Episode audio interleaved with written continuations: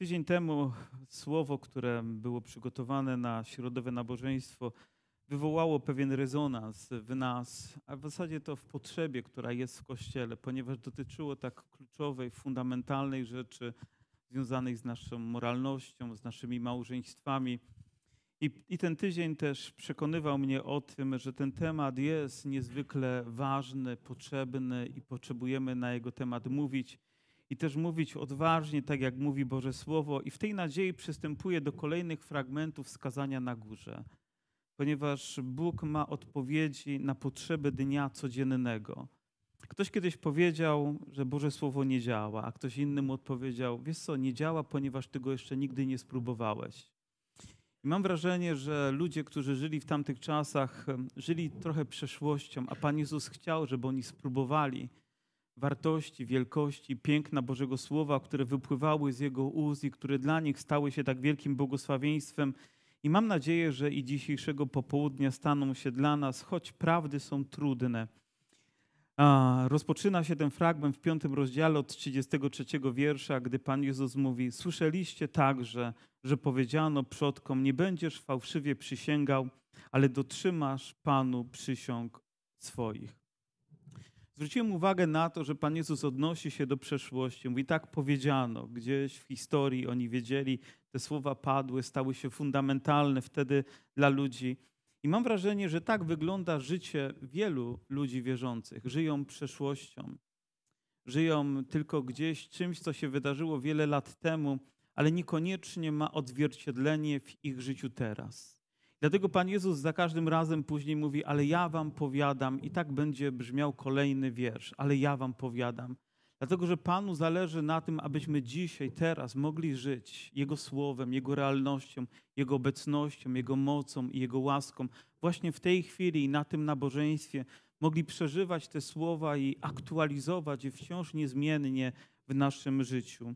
Pan Jezus odnosi się tutaj do tego, że że Bóg zastrzegł sobie, że nie będziesz fałszywie, czy nie będziesz kłamliwie, czy nie będziesz pochopnie przysięgał, ale kiedy to zrobisz, to po prostu będziesz wierny i dotrzymasz tego słowa.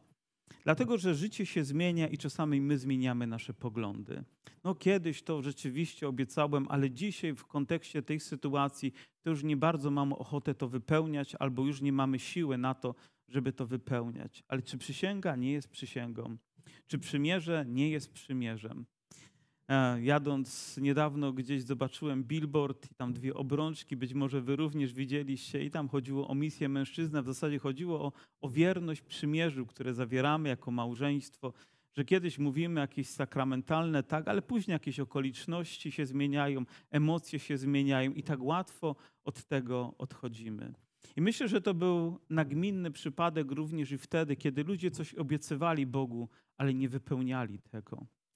Myślę, że nie możemy rzucić w nich kamieniem, dlatego że sami wiele rzeczy obiecywaliśmy, obiecywaliśmy. Być może nawet ktoś obiecywał wam, ale nie wypełnił. A jeżeli jeszcze powoływał się w tym na Boga, no to dopiero sprawa staje się poważna, kiedy taka rzecz nie jest wypełniona. Przecież mówimy, jak Boga kocham, jak Boga kocham. Kto z Was nie wypowiadał takiego słowa? To może by w kontekście tego, czego nie wypełniamy, oznaczało, że tak mało tego Boga kochamy, albo tak mało Go znamy, albo zbyt pochopnie, zbyt nagle wypowiadamy te słowa. Dlatego Pan Jezus mówi, a ja wam powiadam, abyście w ogóle nie przysięgali ani na niebo, gdyż jest tronem Boga, ani na ziemię, gdyż jest podnóżkiem stóp Jego, ani na Jerozolimę, gdyż jest miastem wielkiego Króla. Innymi słowy, nie wyrzucajcie tak szybko i pochopnie swoich słów, a później tak trudno wam jest je wypełnić. Po prostu nie róbcie tego.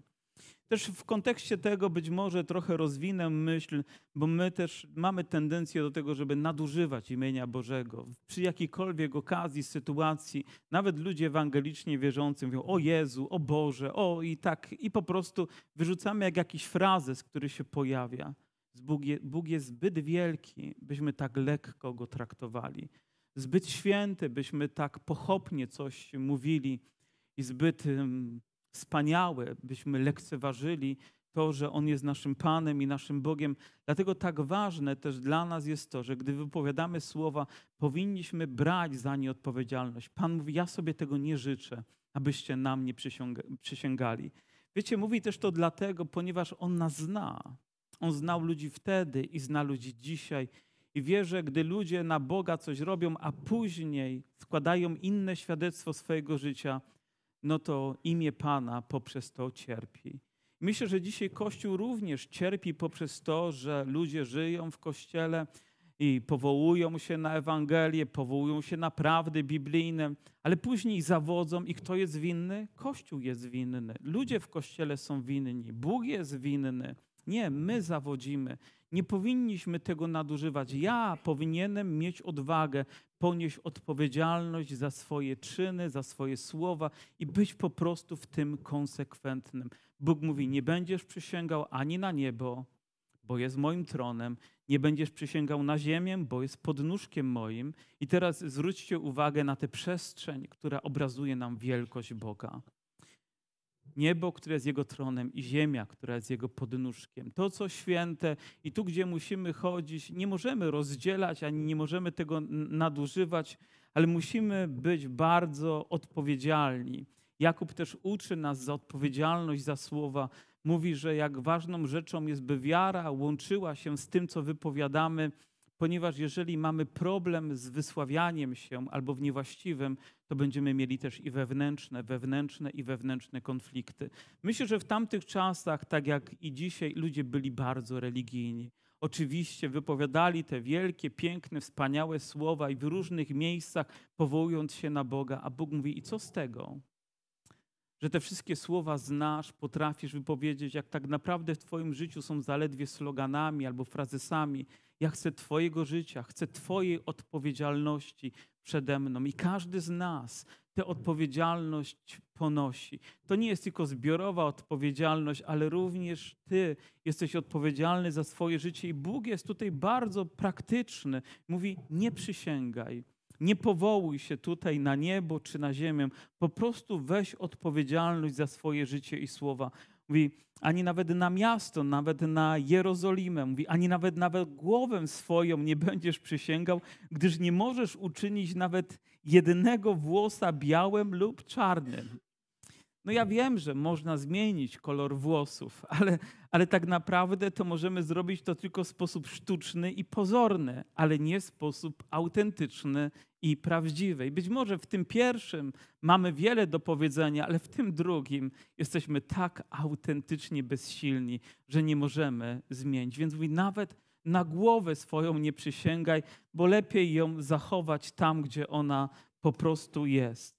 Ale późniejsze słowa chyba są szczególne, na które chciałbym też zwrócić uwagę. Niechaj więc mowa wasza będzie tak, tak, nie, nie, bo co ponadto jest od złego.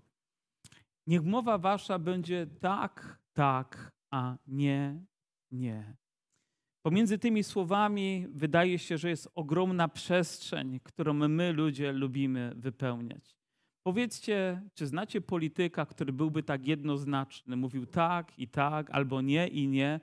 Czy zawsze, gdy zadaje się mu proste pytanie, to zawsze będzie szukał takiej odpowiedzi, żeby nie odpowiedzieć, żeby nie być takim skonfrontowanym z jakąś prawdą, z jakąś sytuacją, tylko znajdzie sposób na to, żeby wybrnąć. Jest ja sobie również zdaję sprawę, że nie zawsze można odpowiedzieć tak albo odpowiedzieć jednym słowem nie, ale zawsze jest czas na to, żeby powiedzieć prawdę, żeby powiedzieć tak, jak się rzeczy mają. Gdyby ktoś mnie spytał, czy chciałbyś jeszcze raz być na Marsie, nie mogę na to odpowiedzieć, bo nigdy tam nie byłem i nie mogę powiedzieć tak ani nie. Musiałbym odpowiedzieć pełnym zdaniem, ale chcę, żebyście poprzez to rozumieli, że nasze zdanie powinno być bardzo takie e, opowiedziane się za prawdą. Myślę, że Biblia jest tymi granicami, które nam wytycza. Powinniśmy mówić tak, jak mówi Boże Słowo, albo sprzeciwiać się złu czy złym rzeczom, mówić nie, gdy przyjdzie na to odpowiedzialność. Niewielu takich ludzi znamy i coraz mniej jest tych ludzi, którzy mają odwagę mówić prawdę bez względu na cenę, którą przychodzi nam zapłacić. Ale w tym zgromadzeniu mam nadzieję, że znajdują się tacy ludzie, którzy będą mieli odwagę powiedzieć tak albo powiedzieć nie. Nawet jeżeli trzeba będzie ponieść konsekwencje tego, że stajemy w takiej sytuacji.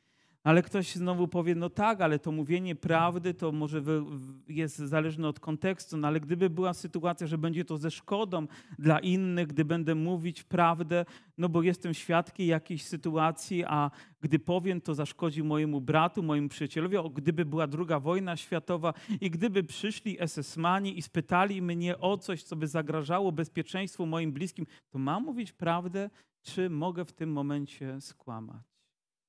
Nie żyję w takiej sytuacji, więc nie mogę odpowiedzieć, co ja bym zrobił, bo często są tacy ludzie, którzy wiedzą oczywiście, co by wtedy zrobili, ale ja wierzę, że zawsze możemy mówić tak, jak powinniśmy. Nawet jeżeli milczymy, to również jest nasza odpowiedź, ale nie ma prawa nikt z nas, ludzi ewangelicznie wierzących, świadomie kłamać, prowadzać innych ludzi w błąd, nadużywać tego, a jest to dzisiaj tak powszechne. Czasami mówimy komuś tak, ale później nasze życie jest na nie. Mówimy w naszym przymierzu małżeńskim tak, ale później rzeczywiście mu życie. Czasami zobowiązujemy się do czegoś, ale później życie to weryfikuje. A czasami nie mamy odwagi też powiedzieć nie, gdy, gdy coś się próbuje wedrzeć, gdy znajdujemy się w towarzystwie, gdy ludzie wywierają na nas presję, gdy nas do czegoś przymuszają. Tak trudno jest ludziom po prostu odmówić. Przecież trzeba być człowiekiem, trzeba właściwie się zachować. Proszę, miejcie odwagę.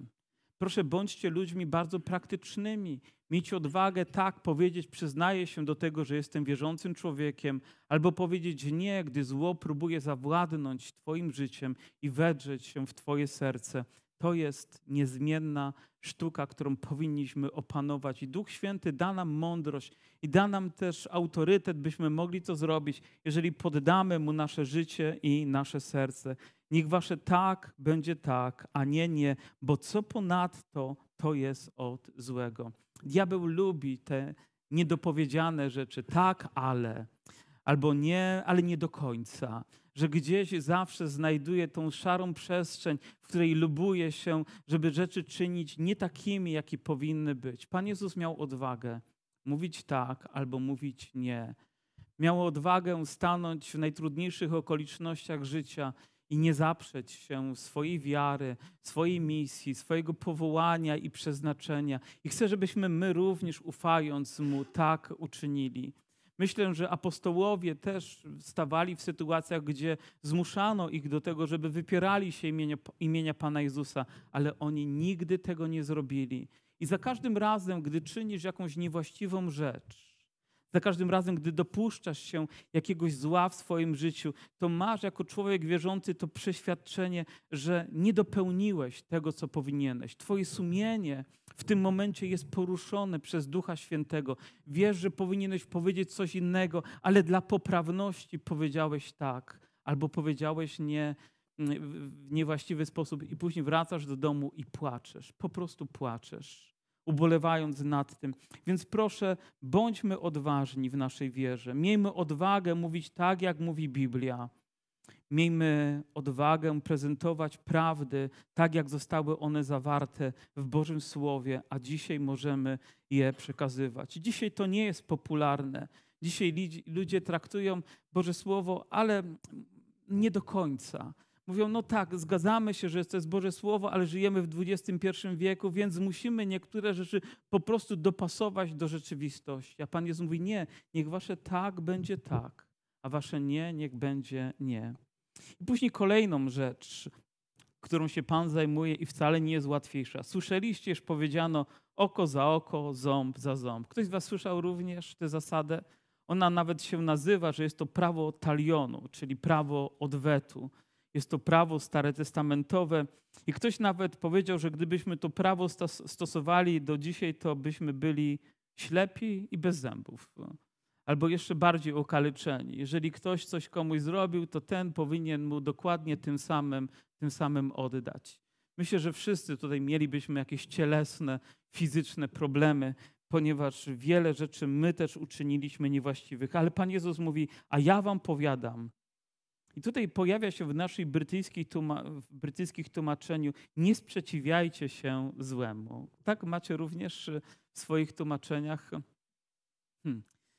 Myślałem o tym bardzo mocno i bardzo głęboko. Gdyby przyjąć to tłumaczenie, to pomyślałem sobie, ale zaraz, czy jeżeli zło pojawia się w zborze, jeżeli pojawia się grzech, to czy ja mam mu się prawo sprzeciwić, czy nie? Czy mam to zostawić, czy i pozwolić, żeby to dalej tak się rozwijało, czy stanąć i powiedzieć tak, nie powinno być, nie, nie zgadzamy się z tym, nie dopuszczamy do tego, żeby to dalej się posuwało w naszym życiu.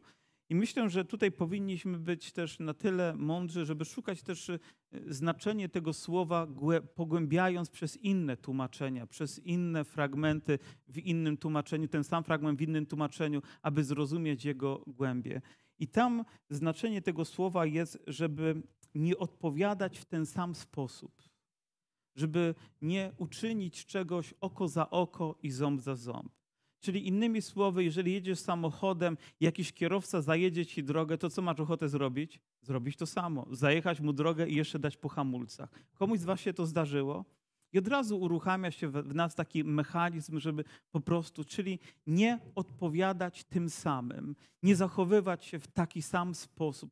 Pan Jezus daje nam wiarę po to, żebyśmy byli świadomi i odpowiedzialni naszych czynów, które możemy wtedy wykonywać we właściwy sposób. A więc jeżeli pojawia się jakaś zła sytuacja, ja nie reaguję tylko instynktem, ale mam świadomość mojej wiary i wiem, jak powinienem wtedy się zachować. Wiem, czy powinienem powiedzieć tak albo nie. I nie powinienem pozwalać, aby to zło zaczęło się eskalować, żeby zaczęło być powtarzalne. Natomiast uważam, że gdy chodzi o zło, to mamy prawo mu się sprzeciwić, nawet mamy obowiązek mu się sprzeciwić jako zło, ale nie mamy prawa tak samo zachowywać się jak ci ludzie, którzy to zło wprowadzają. Musimy mieć mądrość, musimy mieć poznanie, musimy mieć odpowiednie Słowo Boże do danej sytuacji, aby wiedzieć, że nie w ten sam sposób mamy mówić. Wiecie, kiedy czytamy Księgę Przypowieści Salomona, to dochodzimy do takiego fragmentu, który wydaje się jest trudny do zrozumienia, bo Salomon mówi tak, odpowiedz głupiemu według jego głupoty, aby nie uważał się za mądrego, a dalej mówi, nie odpowiadaj głupiemu według jego głupoty, abyś ty się do niego nie upodobnił. Więc co mamy wybrać?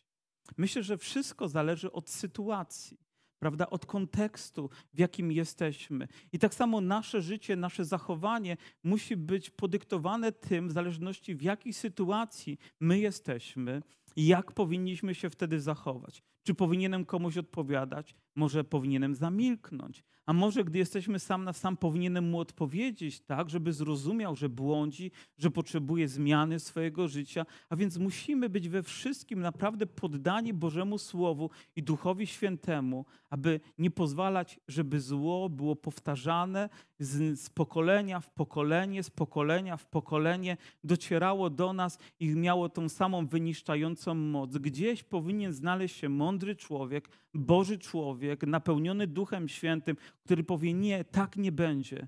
Nie będziemy tak dalej żyć, nie będziemy tak dalej postępować. Powiedzmy, że Twoje środowisko, w którym jesteś, to środowisko plotkarzy. Ludzie, którzy lubią mówić o wszystkich i wszystko. Albo się przyłączysz do tego i będziesz powtarzał to zło, albo staniesz i nie, ja nie będę w tym więcej uczestniczył. Powiedzmy, że jesteś w środowisku pracy, gdzie ludzie piją alkohol nawet w miejscu pracy, albo jest to taka ich kultura po prostu zachowania. Albo przyłączysz się do tego, albo powiesz nie, mam odwagę sprzeciwić się temu, bo każdemu z nas Duch Święty daje mądrość i autorytet, nie zrobi tego za nas, ale wraz z nami, żebyśmy mogli się temu przeciwstawić.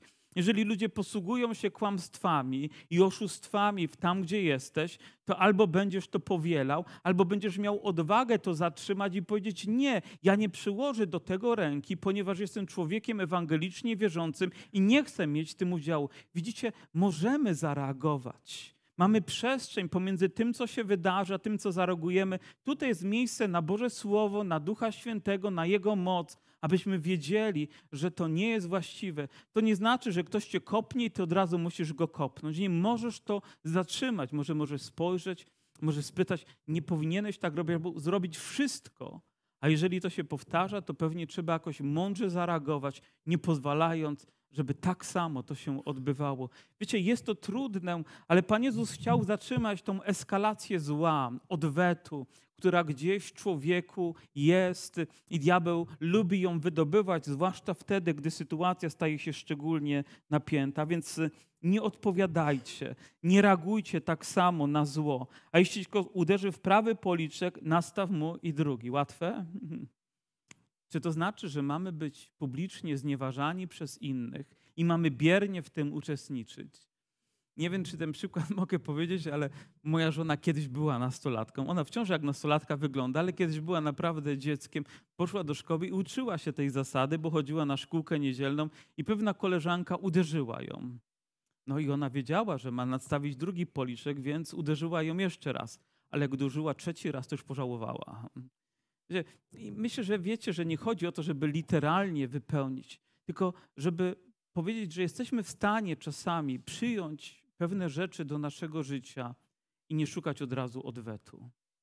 Że w pokorze naszego serca, ale jest granica również, myślę, która nie chodzi o to, że teraz ktoś zawsze będzie nas poniewierać, zawsze ktoś będzie nas poniżać i w tym momencie również możemy się przeciwstawić. Przykładem dla mnie jest apostoł Paweł, kiedy został spoliczkowany, mówi, dlaczego to zrobiłeś? Jakby kto dał ci do tego prawo? A więc nie nadstawił w tym momencie tak bezkrytycznie drugi policzek, ale zareagował. Nie uderzył, nie wyciągnął swojej ręki, nie oddał, ale zareagował.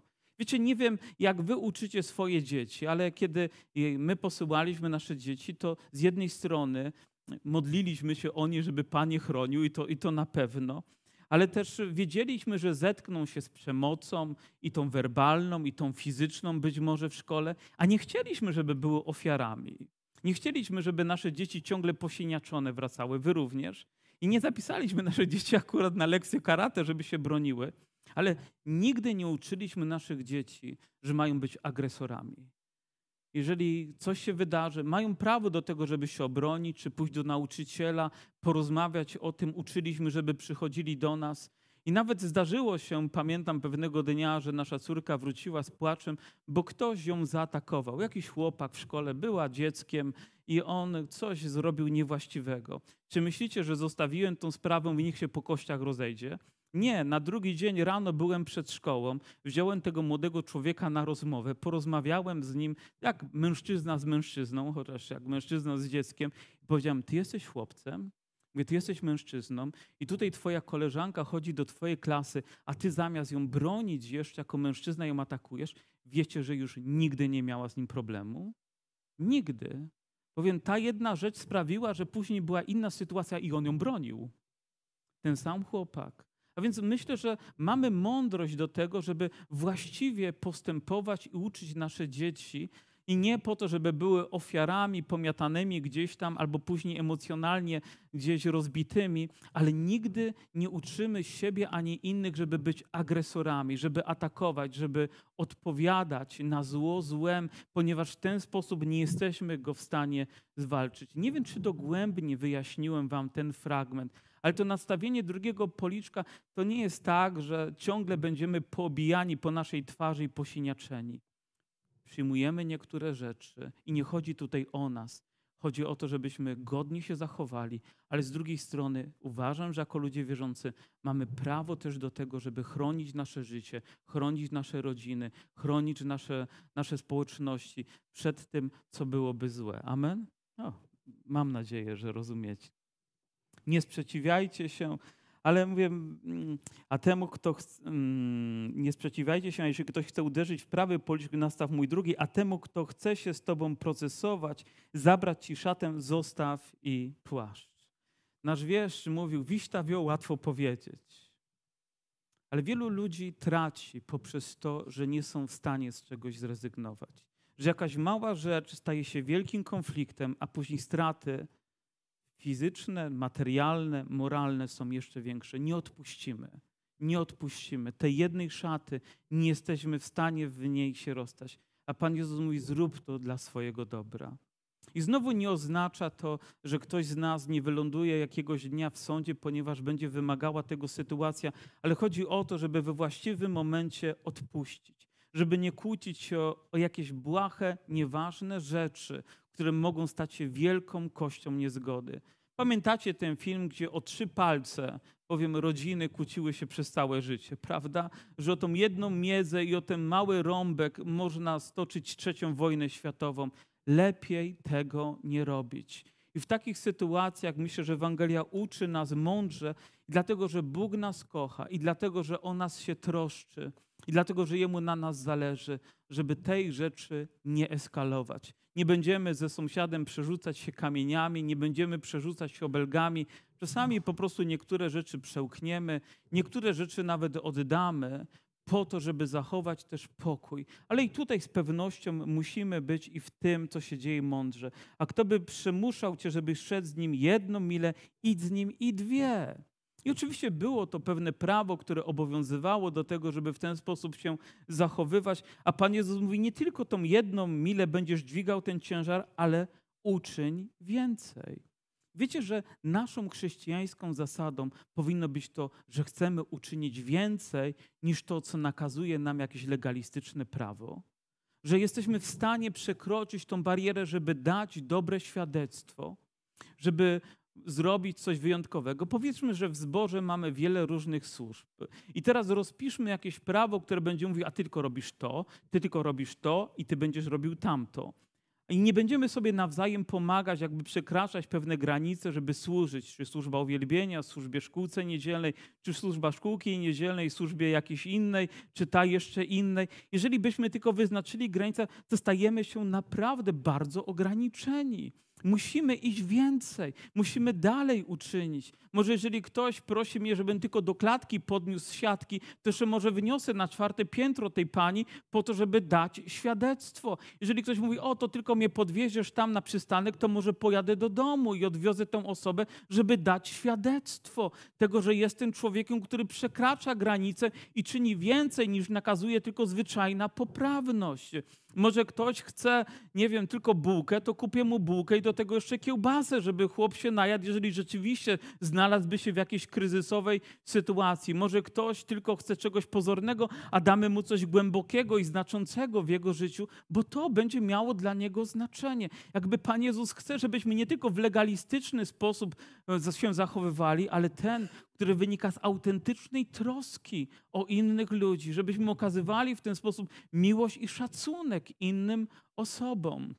Daj Panie Boże, byśmy taką postawę mogli mieć. Byśmy nie ustalali tylko granic, ale byli gotowi je przekraczać w taki sposób, aby okazywać Bożą troskę i miłość tym, którzy tego potrzebują. Temu, kto się prosi, daj, a od tego, który chce od ciebie pożyczyć, nie odwracaj się. No tak. Jak będę wszystkim pożyczał, to co będę miał?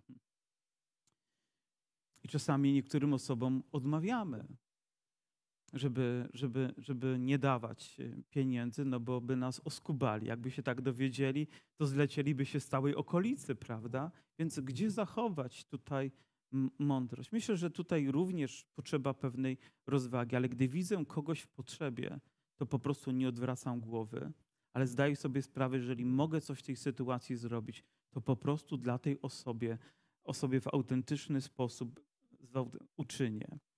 Słyszeliście, że powiedziano: Będziesz miłował bliźniego swego, a będziesz miał w nienawiści nieprzyjaciela swego.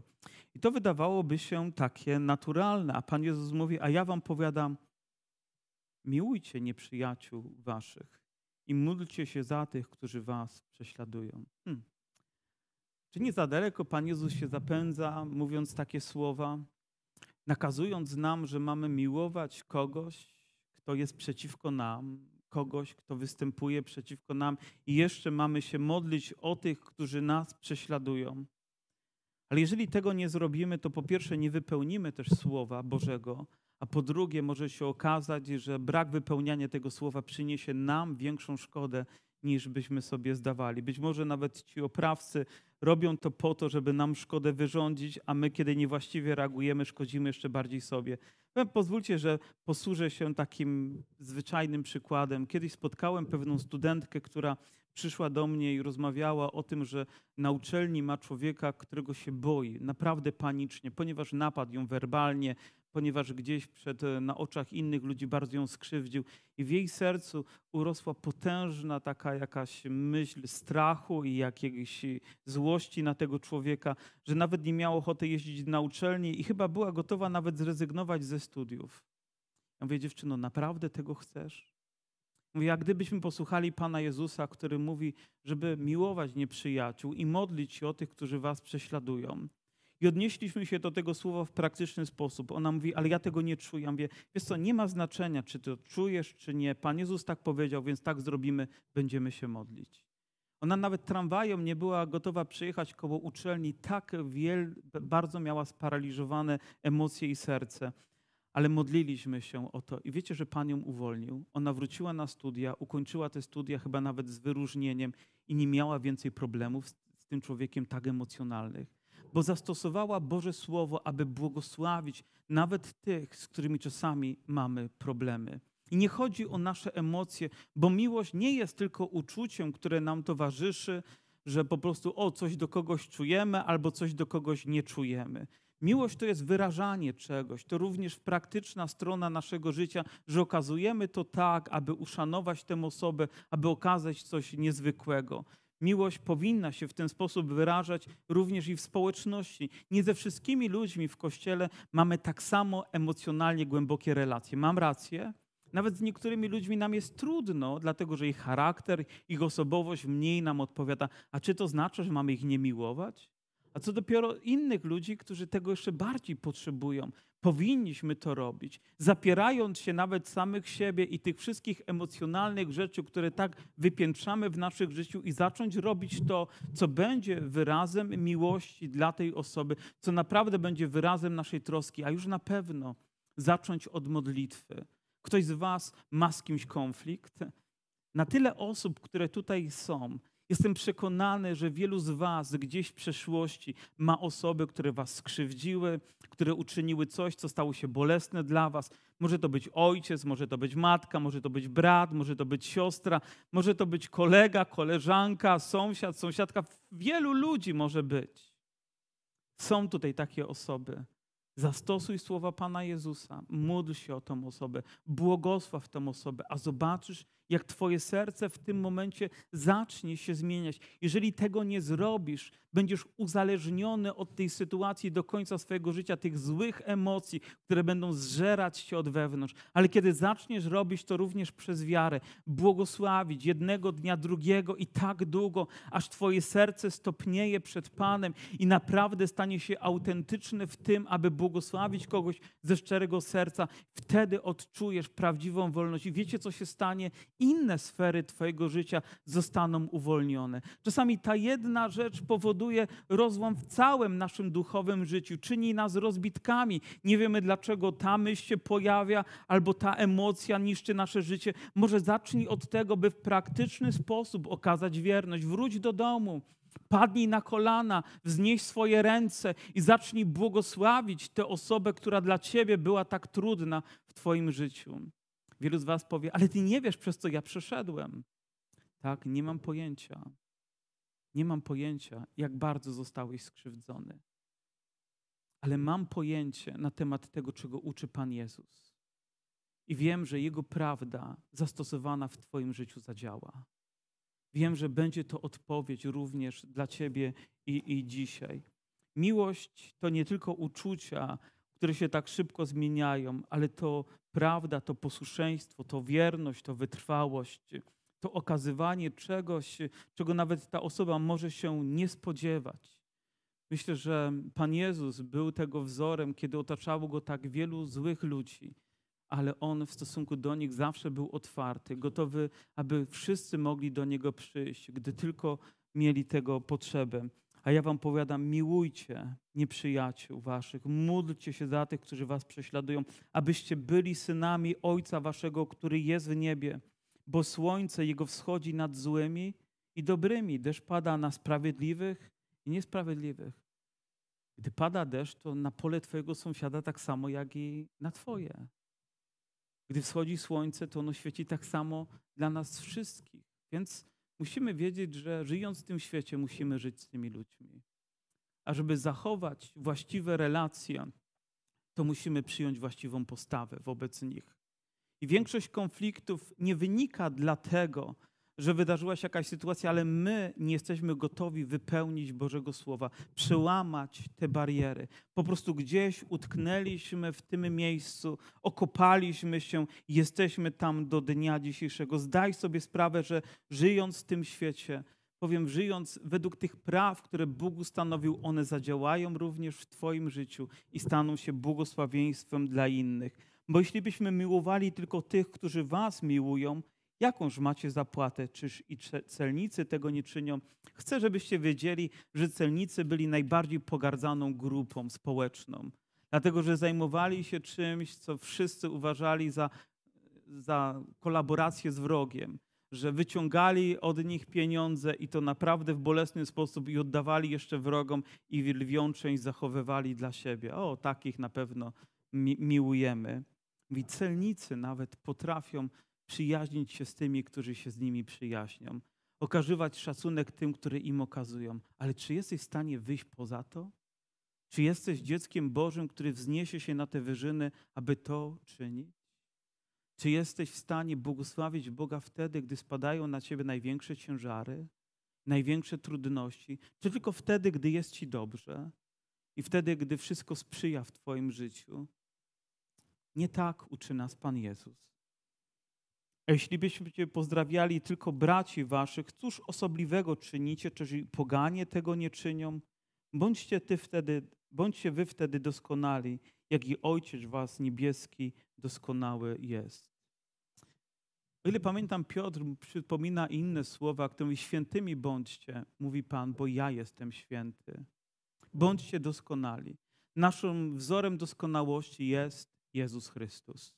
Jego zachowanie, Jego postawa. On potrafił uniżyć się przed ludźmi, przyjąć postawę sługi. On był gotowy przepasać się prześcieradłem i umyć nogi swoim uczniom. Wiecie, dla kogoś takiego to może był jak policzek, ale on był gotowy to przyjąć, ponieważ jemu tak bardzo na nich zależało. Wyrażał to całym sobą i wszędzie, gdzie tylko był. Żyjemy w złym świecie i powielając zło tego świata nie uczynimy żadnej zmiany. Ale kiedy zachowamy słowa Pana Jezusa i będziemy im jeszcze wierni, gwarantuję, że te zmiany będą następować. Wiecie, one mogą zacząć się już teraz we mnie, w moim sposobie myślenia, a nawet w moich słowach, które wypowiadam, w mojej postawie, którą przyjmuję, w języku, który wydobywa się ze mnie, słowa, które wypływają, one będą miały znaczenie. W postawie, jaką przyjmę wobec mojego siostry, wobec mojego brata. Może ktoś dzisiaj tutaj najmniej na to zasługuje, a najwięcej potrzebuje, żeby przyjść i po prostu może, nie wiem, uścisnąć go i powiedzieć: Tak, cieszę się, że jesteś ponieważ nigdy tego nie zrobił i nie ma odwagi tego zrobić w stosunku do innych. Ale Twoje ciepło, Twoja miłość, Twoja troska, Twoja zachęta będą tym, czego On tak bardzo, bardzo potrzebuje. Proszę, bądźmy, bądźmy tymi, którzy usłyszą słowa Jezusa. Państwo, o, słyszeliście kiedyś, ale ja chcę, żebyście żyli dzisiaj. Tym, do czego zostaliście powołani a gwarantuję Ci, że wszystkie inne rzeczy w Twoim życiu będą ulegać zmianie, bo Boże Słowo jest żywe i ono pracuje w nas, gdy my mamy odwagę podjąć wyzwanie, które nam rzuca, nawet gdy jest najtrudniejsze. A Duch Święty wierzę, że da Kościołowi odwagę, byśmy mogli to zaprezentować w tym świecie, w którym nas powołuje. Wróć do swojej pracy, ale bądź innym człowiekiem. Wróć do swojego domu, ale bądź innym mężem, żoną, innym dzieckiem, ze względu na Ewangelię. Nie ze względu nawet na Twoją wygodę, ale ze względu na Pana Jezusa Chrystusa. A to świadectwo może sprawić więcej niż czasami nasze slogany, które tak łatwo wypowiadamy i które nie mają żadnego pokrycia w naszym życiu. Niech Pan będzie uwielbiony za swoje słowo i oby dzisiaj znalazł dobry grunt w naszych sercach i odebrał sobie chwałę z naszego życia. Powstańmy.